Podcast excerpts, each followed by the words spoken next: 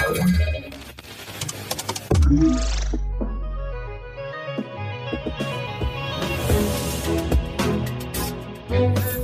Halo, halo, tu mówi Warszawa w podcaście Cyber Cyber Fundacji Bezpieczna Cyberprzestrzeń. Witamy bardzo serdecznie, to Cyber Cyber. No a dzisiaj Cyber Cyber Raport, czyli krótkie tematy. Przed Wami Cyprian Gutkowski. Niestety nie ma dzisiaj ze mną nikogo, więc musicie znosić tylko i wyłącznie moje towarzystwo. No, ale mam nadzieję, że jakoś to będzie. Jeden temat mamy naprawdę długi, dlatego tematów nie jest za wiele, bo aż cztery i to są tematy w zasadzie z ostatniego tygodnia. No, postaram się je Wam teraz przeczytać i zobaczymy, jak nam to dalej pójdzie z tą informacją, czy rzeczywiście tak długo zejdzie, jak podejrzewam. Ponieważ nie chcę też przekraczać czasu naszego podcastu, kilka innych rzeczy musiałem wykluczyć, ponieważ mam jeden i to jest pierwszy temat, czyli top ten o Was, czym są i jak testować tak naprawdę to, o czym mówią te najważniejsze zagrożenia dla aplikacji. Mm, to właśnie o tym sobie powiem w pierwszym e, naszym e, temacie. Jest tego dość sporo, ale to zobaczymy. E, jako druga informacja, ktoś znalazł pendrive z danymi powiatowej stacji sanitario-epidemiologicznej w Policach. Mm, trzecie to brytyjskie Centrum Cyberbezpieczeństwa twierdzi, że deepfakes i inne narzędzia sztucznej inteligencji stanowią zagrożenie dla następnych wyborów. I wreszcie to ostatnia informacja krótka ostrzegająca, tym razem CERT Orange ostrzega o fałszywych fakturach Orange. E, w mailu pojawiają się prawdziwe dane klienta, a jedynie sam załącznik jest zainfekowany. To cztery tematy, które przygotowałem dzisiaj dla Was, więc zaczynajmy. E, top ten o Was, czym są, jak je testować, jak sprawdzać, żebyśmy mogli być przed nimi bezpieczni i w zasadzie co tak naprawdę dają dotyczą, to są obecne trendy tak naprawdę w niebezpieczeństwach dla aplikacji. Aplikacje internetowe w miarę wzrostu złożoności, znaczenia ich stały się również głównymi celami ataków przestępców. Atakują oni aplikacje wykorzystując typowe słabości, które pomagają im właśnie w, w dokonaniu takiego ataku. Najczęściej kradzież danych, szpiegostwo korporacyjne, po prostu po, po, powodowanie zakłóceń działania aplikacji, to przyświeca takim działaniom hakerskim. Mm, hakerskim, przepraszam, no cyberprzestępczym, wraz ze wzrostem zapotrzebowania na aplikacje i ciągłego dostarczania ciekawych produktów, produktów, które są nowoczesne, które odpowiadają aktualnym zapotrzebowaniom klientów, istnieje presja szybkiego udostępnienia nowych funkcji, a w rezultacie bardzo często zespoły programistów zapominają o bezpieczeństwie na rzecz szybkości i elastyczności tego, co robią. Więc to jest główną przyczyną tego, że jest e, w aplikacjach dość niebezpiecznie. A ta lista OWASP, czym jest? OWASP w ogóle to jest Open Web Application Security Project. No i tam wskazany jest top 10 kluczowego źródła informacji na temat tego, jakie są najważniejsze zagrożenia bezpieczeństwa dla aplikacji internetowych. Właśnie pokazała się lista 10 najnowszych takich e, zagrożeń. E, ona pokazuje się już od 2020, 2003 roku, przepraszam, czyli w 2023 roku mamy 20 lat od kiedy tak naprawdę się pojawia. Na przestrzeni lat ta lista była poddawana właśnie okresowym rewizjom, no i teraz nadszedł ten czas, że aby zachować aktualność w obliczu zmieniającego się krajobrazu zagrożeń, krajobrazu też aplikacji, tym do czego służą, stworzono najnowszą taką listę. Mm, listę, no i teraz przegląd y, tych największych zagrożeń, na które możemy, z którymi możemy się spotkać produkując aplikacje, wypuszczając aplikacje. Jako pierwsza została określona nieprawidłowa kontrola dostępu, która oznacza nałożenie niewystarczających ograniczeń na czynności, które mogą wykonywać uwierzytelnieni użytkownicy wewnątrz tej aplikacji. Mm, te wady we wdrażaniu uprawnień, jak i praw użytkowników umożliwiają wykonywanie działań e, lub też dostęp do danych, które wykraczają poza zamierzone uprawnienia dla danego użytkownika. Przykładem takiej źle działającej kontroli dostępu jest to, że właśnie na przykład użytkownik poprzez dopisanie do paska URL, na przykład hasła admin otrzymuje dostęp do uprawnień admina, mm, co rzeczywiście może się zdarzyć i dlatego należy na to uważać. No ale co robić, aby, żeby zabezpieczyć się aplikację internetową pod kątem zagrożeń związanym z niewłaściwą kontrolą dostępu? Tutaj OWASP mówi, że należy rozważyć następujące strategie. Utworzyć wiele kont testowych, każde tak naprawdę z inną rolą, no i spróbować wykonywać działania wykraczające poza zakres danego konta, poza zakres możliwości, które ono ma, czyli klasyczne testy, klikamy, klikamy, sprawdzamy, dopisujemy, co się może wydarzyć. Hmm, oczywiście Mm, jest to, wymaga szerszej pracy, dostępu wielu testerów, którzy będą tę aplikację testować. Oprócz tego spróbuj przejąć lub zamienić tokeny sesji, aby sprawdzić, czy jeden użytkownik może poczyć się po drugiego lub zwiększyć swój dostęp. Mm, I trzeci, Trzecie z zabezpieczeń, spróbuj zmodyfikować parametry właśnie w adresie URL e, albo w ukrytych polach lub w żądaniach API, aby uzyskać dostęp do obiektów nieprzeznaczonych dla standardowych użytkowników. No tu jest to łatwe, jeżeli znamy te swoje dodatki URL-a, to wiemy co wpisywać i co sprawdzać, żeby, żeby było, więc te testowanie jest trochę, trochę łatwiejsze. Mm, należy też upewnić się, że każda rola użytkownika ma tak naprawdę minimalne niezbędne uprawnienia, czyli klasycznie z zasadą najmniejszych uprawnień. Mm, I trzeba konsekwentnie mm, w organizacji przestrzegać też tych zasad, żeby zawsze tak było, że te uprawnienia zawsze są najmniejsze. Z drugi z punktów to awarie kryptograficzne. Jest to ryzyko, które wiąże się z problemem nieprawidłowego wdrożenia lub ogólnie wykorzystania kryptografii, e, na przykład poprzez to, że używamy przestarzałe algorytmy, czy też jest nieprawidłowa konfiguracja samego zarządzania kluczami, a już tacy trochę bardziej wykwalifikowani przestępcy mogą dzięki temu w sposób dość prosty Mm, ominąć źle skonfigurowaną kryptografię i dzięki temu manipulować aplikacją lub uzyskać dostęp do wrażliwych danych. No i tutaj również te, mamy do czynienia z zabezpieczeniami czy środkami zapobiegawczymi, które powinniśmy podjąć w celu sprawdzenia, jak zachowuje się nasza aplikacja i tutaj jest audyt praktyk kryptograficznych pod kątem przestarzałych metod lub algorytmów. Należy przetestować kluczowe praktyki zarządzania i upewnić się, że aplikacja korzysta z bezpiecznych, zaktualizowanych bibliotek e, kryptograficznych. Wreszcie mm, trzeci z punktów top 10 to jest e, wstrzyknięcie injection, oczywiście SQL injection nam się od razu kojarzy i faktycznie też SQL injection mamy tutaj do czynienia. No i takie injekty w aplikacjach internetowych umożliwiają atakującym ogólnie tworzenie złośliwych danych wejściowych, które poprzez to, że są podawane do takiej aplikacji mogą zmusić tę aplikację do wykonania poleceń, które są niezamierzone przez osoby je wypuszczające, natomiast zamierzone już przez osoby atakujące. Najbardziej znanym typem jest właśnie to wstrzyknięcie SQL, injection, podczas którego przestępcy manipulują zapytaniami do bazy danych aplikacji internetowej. No i też pojawiają się tutaj zabezpieczenia teoretycznie, którymi powinniśmy się posłużyć, aby e, jak najbezpieczniej wypuszczać nasze aplikacje, czyli użyć statycznej analizy kodu, aby zidentyfikować potencjalne luki, przetestować aplikację dynamicznie, korzystając z różnych injektów, upewnić się, że aplikacja sprawdza i oczyszcza dane wejściowe użytkownika. To jeżeli chodzi o injekty. Natomiast jeżeli chodzi o mm, punkt czwarty z dziesięciu, to mamy błędy w projektach architektury, czyli tak naprawdę e, podstawowe błędy i wybory architektury mm, aplikacyjnej, które z natury nie uwzględniają kwestii bezpieczeństwa. One mogą narazić aplikacje na różnego rodzaju ataki, niezależnie od y, indywidualnych środków bezpieczeństwa na poziomie kodu.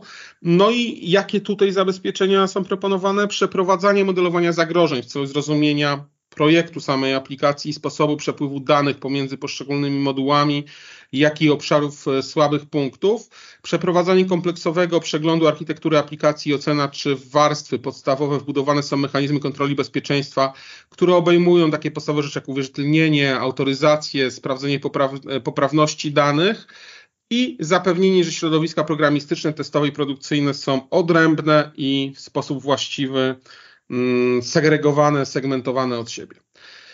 Jako piąty z punktów pojawia się błędna konfiguracja mm, zabezpieczeń, która ma miejsce, gdy ustawienia zabezpieczeń i elementy samej aplikacji, elementy sterujące aplikacją są niewłaściwie zaimplementowane, które są pozostawione na wartościach domyślnych lub w ogóle e, są wyłączone. Ryzyko błędnej konfiguracji obejmuje niezabezpieczone pliki, katalogi, biblioteki, bazy danych, które ułatwiają niezamierzany dostęp do bardzo cennych danych i do możliwości aplikacji, do, do możliwości w nią ingerowania. Najczęściej tutaj główną przyczyną tego jest brak tak naprawdę świadomości. No i cóż, tutaj jakie, jakie zabezpieczenia są nam proponowane? Należy regularnie przeglądać i kontrolować ręcznie konfigurację aplikacji, mm, baz danych, serwerów i sieci, korzystać z automatycznych skanerów i narzędzi bezpieczeństwa, które potrafią wykrywać tego rodzaju błędne konfiguracje. E, monitoruj komunikaty o błędach pod kątem wycieków e, informacji, takich jak ścieżki szczegół serwera czy informacje o, ogólnie o bazie danych.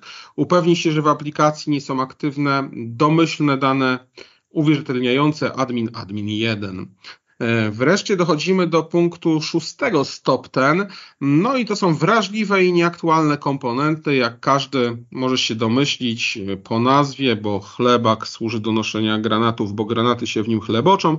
To te wrażliwe i nieaktualne komponenty aplikacji internetowych odnoszą się do bibliotek, wtyczek, frameworków, innych modułów ogólnie oprogramowania i innych składników aplikacji, które mają znane luki w zabezpieczeniach. Są one ogólnie poznane, są one ogólnie wykorzystywane, ale nigdy nie zostały zaktualizowane ani nie zostały załatane przez twórców e, czy przez społeczność. W związku z tym są cały czas aktywne.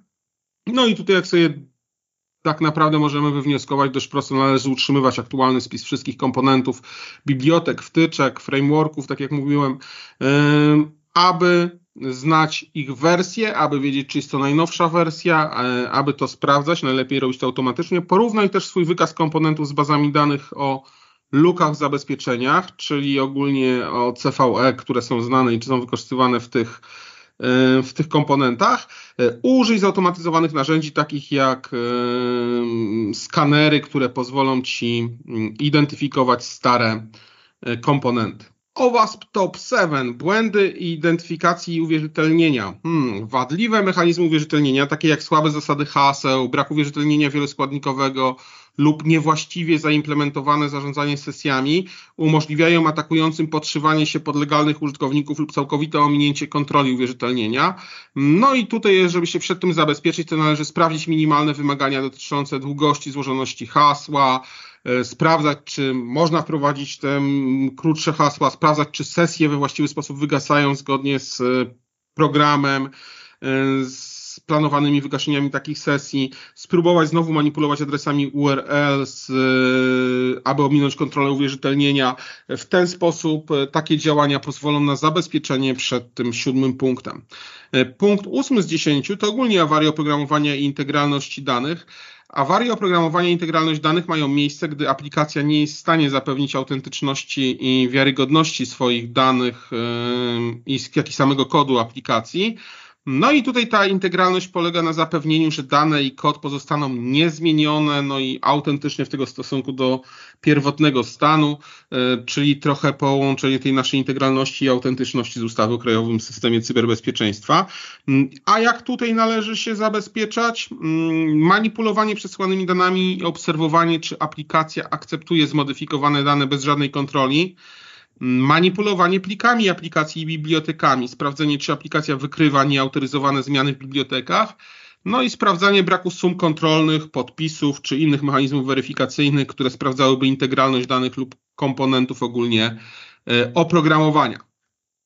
No i dochodzimy w ten sposób do AWAS e, Top ten i już do dziewiątego przykazania, awaria i rejestrowania i monitorowania bezpieczeństwa no to jest niewystarczające rejestrowanie tak naprawdę działań w aplikacji lub brakiem możliwości wykrywania i reagowania na złośliwe działania w czasie rzeczywistym, czyli brak klasycznego monitoringu bezpieczeństwa, brak szczegółowych logów lub też brak tak naprawdę monitorowania tych szczegółowych logów, co uniemożliwia szybkie wykrycie nieautoryzowanego dostępu, czy innych naruszeń, czy jakichkolwiek złośliwych e, działań, czy niepożądanych nawet zdarzeń w samej aplikacji. No i jako zabezpieczenia to należy regularnie przeglądać dzienniki, aby upewnić się, że rejestrują istotne zdarzenia związane z bezpieczeństwem i że potrafią nas alarmować, upewnić się, że wszystkie krytyczne komponenty są monitorowane, no i przejrzeć też konfigurację narzędzi monitorujących, no bo co z tego, że je podłączymy, skoro ich tak naprawdę zadaniem nie będzie śledzenie tego, co nas interesuje, więc samo włączenie pudełka oczywiście nic nie daje.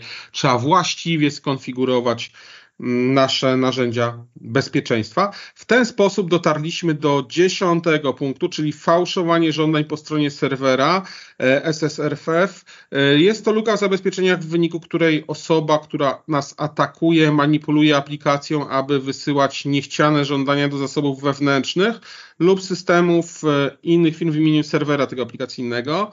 Mm, ryzyko to ułatwia mm, atakującym nawiązanie kontaktu z jakimiś e, usługami e, frontendowymi, tak, lub eksfiltrację właśnie danych. E, aby to przetestować, należy eksperymentować z różnymi schematami adresów URL, takimi jak DICT, SFTP, aby spróbować tak naprawdę uzyskać dostęp do zasobów innych niż HTTP. Mm, należy, kolejnym z takich zabezpieczeń jest emulowanie żądań w które trafia, aby trafić do interfejsu API poprzez y, backend, y, zmodyfikować żądania za pomocą localhost admin i tym podobne, by sprawdzić, czy zostały zwrócone jakieś nieoczekiwane dane. Y, zidentyfikuje obszary ukrytego zaufania między hostami, takie jak lokalne serwery, bazy danych serwerów internetowych Poszukaj szczegółowych komunikatów o błędach, które mogą wskazywać na lukę w zabezpieczeniach. Na przykład, jeśli prowadzisz wewnętrzny adres IP, a błąd ujawni szczegóły dotyczące zasobu wewnętrznego, jest to potencjalna oznaka ryzyka. Tak czytamy w tym raporcie. Także tak jak mówiłem, no długa ta informacja, ale podałem Wam ten, jaki jest najnowszy ranking OWASP Top 10. Luki w aplikacjach internetowych jak najbardziej ciągle narażają organizacje na znaczne ryzyko może dojść do naruszeń danych, do, poprzez to do naruszenia reputacji, strat finansowych. E, cały szereg rzeczy mm, może nastąpić i tak naprawdę samo Was Top Ten to nie chodzi tylko o poznanie tych luk, ale również chodzi o regularne ich testowanie, łatanie i zabezpieczanie, bo jak wiemy, bardzo szybko mm, świat się technologii zmienia.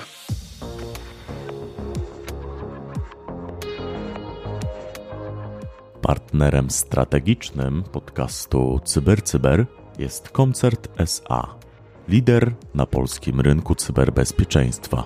Sprawdź nas na www.koncert.pl.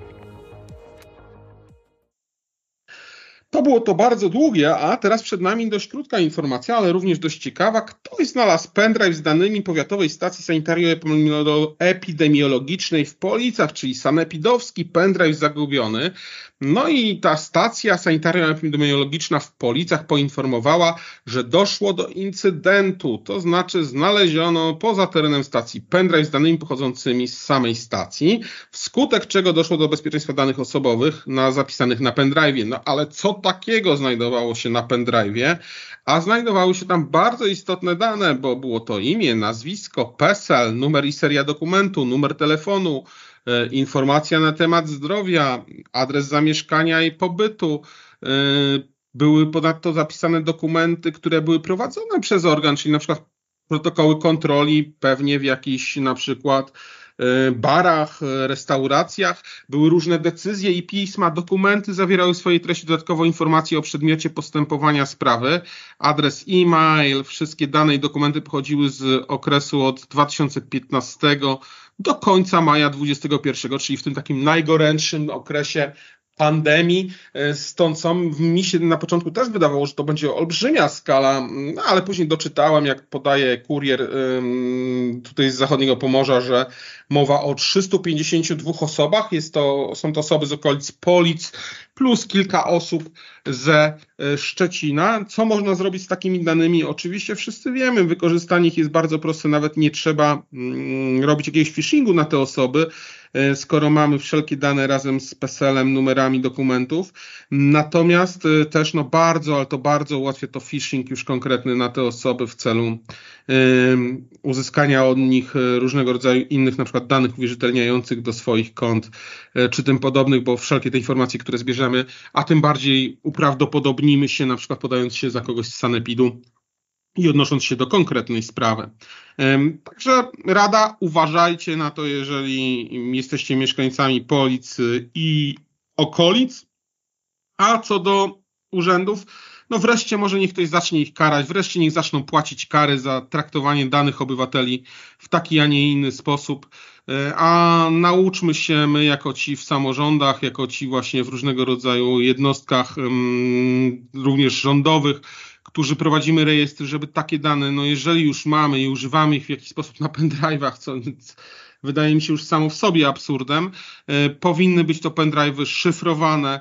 Nie jest to zbyt trudne. Na podstawie na przykład najprostszego BitLockera, jeżeli mamy Windowsa Pro, możemy sobie to rzeczywiście zablokować. Możemy szereg innych rzeczy wprowadzić, nawet prostszych zabezpieczeń, aby ten pendrive nie był tak łatwy do odczytania.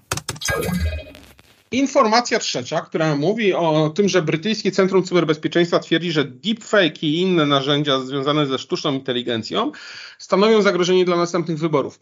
Dlaczego o tym mówię i dlaczego zdecydowałem się wyciągnąć tę informację jako istotną? Mówię o tym chociażby dlatego, że wczoraj um, ukazało się cały szereg nagrań naszego marszałka Sejmu nowego Szymona Hołowni, które mm, było deepfake'iem, gdzie widać, że Szymon Hołownia mówi rzeczy, których tak naprawdę nie powiedział.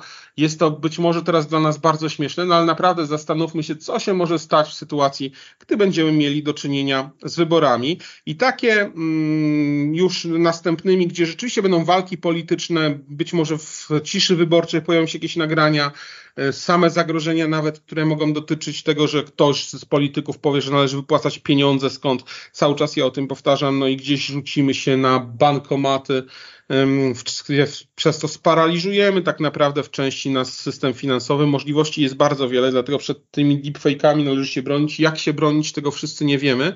No i też zauważa to brytyjska Agencja do Spraw Cyberbezpieczeństwa, która stwierdza, że sztuczna inteligencja stanowi zagrożenie dla następnych wyborów, e, a cyberataki ze strony wrogów krajów e, mnożą się tak naprawdę i są coraz trudniejsze do wyśledzenia, mm, a te filmy deepfake'owe coraz lepszej jakości.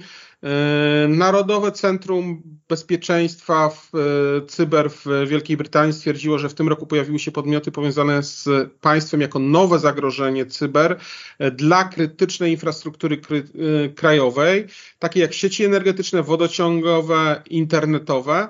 Mm, stwierdzono w rocznym przeglądzie za zeszłym roku pojawiła się także nowa klasa ataków w postaci podmiotów e, o powiązaniach państwowych, którzy często sympatyzują z dalszą inwazją Rosji na Ukrainę i mają motywację ideologiczną, a nie finansową, czyli coraz częściej jakaś właśnie ideologia stara się mm, zwyciężać e, w tym środowisku aktywistycznym już, że to będą musiały być konkretne rozwiązania, zmusić nas do głosowania na konkretne osoby, które bardziej są przychylne na przykład Rosji, czy też bardziej przychylne Ukrainie, w zależności od tego, kto będzie prowadził daną operację wpływu.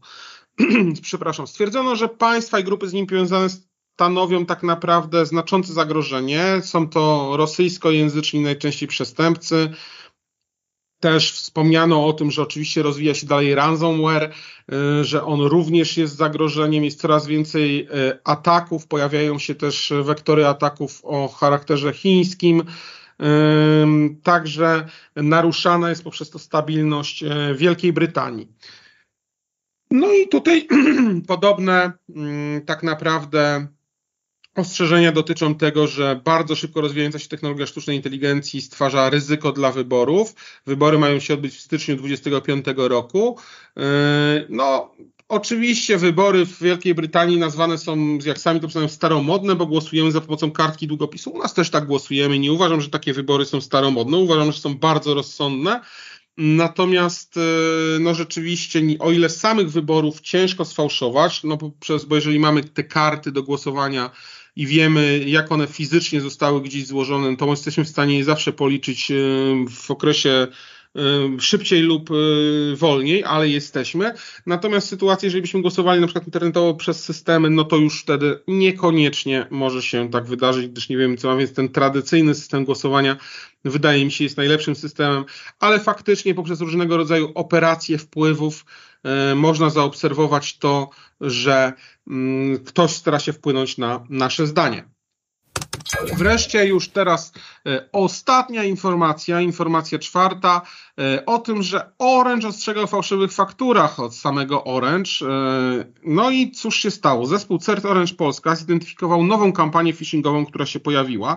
Jest ona tak naprawdę wymierzona w Orange i z podszywaniem się pod Orange, znaczy w Orange, w klientów Orange z podszywaniem się pod sieć Orange. Tym razem do mm, klientów docierają fałszywe faktury od Orange, które udząco przypominają oczywiście te, te prawdziwe.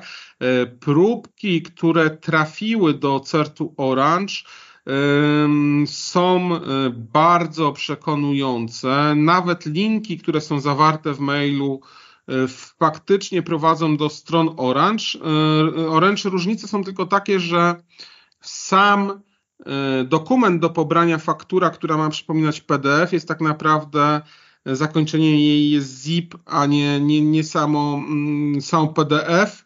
Y, tamta kropka przed PDF-em nie jest kropką, co możecie zwrócić, jak wejdziecie oczywiście w linki, które mm, prezentujemy y, pod naszym podcastem. Tam będziecie bezpośrednio odesłani do artykułu, który cytujemy. A co się znajduje w tym tak naprawdę pliku? Znajduje się plik, który wykrywany jest jako złośliwy zaledwie przez 761 silników antywirusowych, tak stwierdza CERT Orange. E, obecnie próbka jest szczegółowo analizowana. Wiedzą już jednak e, operatorzy CERTu Orange, że to dropper E, co daje tak naprawdę przestępcy pełni możliwości dodania po przejęciu komputera kolejnych złośliwych elementów, które pozwolą przejąć mu e, kontrolę nad sprzętem. E, CERT Orange co radzi? Przede wszystkim czytać maile, zanim w cokolwiek klikniemy i jeśli nie ma tam naszej nazwy, to już absolutnie nie klikać. Jeżeli się pojawia, no to sprawdzać też kwotę i w ogóle wiedzieć, czy to, czy to jest możliwe, zastanawiać się nad tym. Czyli po raz kolejny z, zdrowy rozsądek. E, oczywiście możemy też posiłkować się sprawdzeniem w koncie mobilnym Orange, tak naprawdę w aplikacji, czy zaległość na naszym koncie istnieje, bądź też telefonem do samego Orange. E, także nie dajcie się oszukać, ostrzeżcie znajomych też, że jest taka kampania phishingowa wprowadzona w Orange'u. No i bądźcie, bądźcie zawsze czujni i bądźcie cyberbezpieczni, do czego was e, namawiam, ale myślę, że namawiać nie trzeba, bo wszyscy chcą być cyberbezpieczni, tylko nie zawsze nam to wychodzi. To wszystko tak naprawdę na dziś, co przygotowałem. E, dziękuję Wam bardzo za uwagę. Był e, prowadzącym Cyprian Gutkowski. Był to Cyber Cyber Raport. Niestety byłem sam, e, ale następnym razem na pewno będzie nas większa grupa, bo wtedy dużo przyjemniej się rozmawia, a zapewne też i słucha. Dzięki wielkie.